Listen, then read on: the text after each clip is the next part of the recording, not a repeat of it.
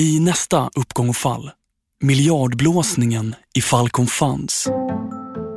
Det här är en historia om några personer som fullkomligt löper amok i det svenska pensionssystemet.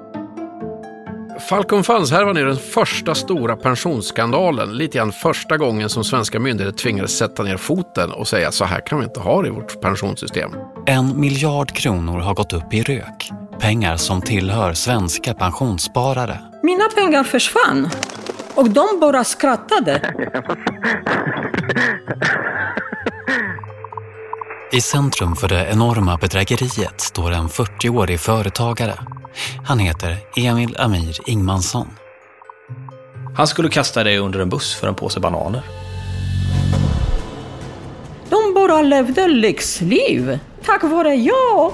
Pensionsspararnas pengar går istället till exklusiva klockor, Sportbilar, lyxlägenheter fina kostymer.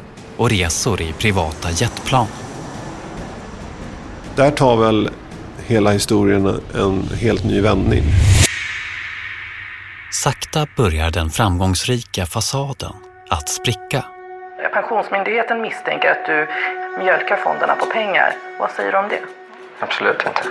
Men när polisen ska slå till lägger Emil Amir Ingmansson benen på ryggen och flyr. Den svensk som pekas ut som hjärnan bakom Falcon Funds-härvan har försvunnit. I nästa uppgång och fall, miljardblåsningen i Falcon Funds.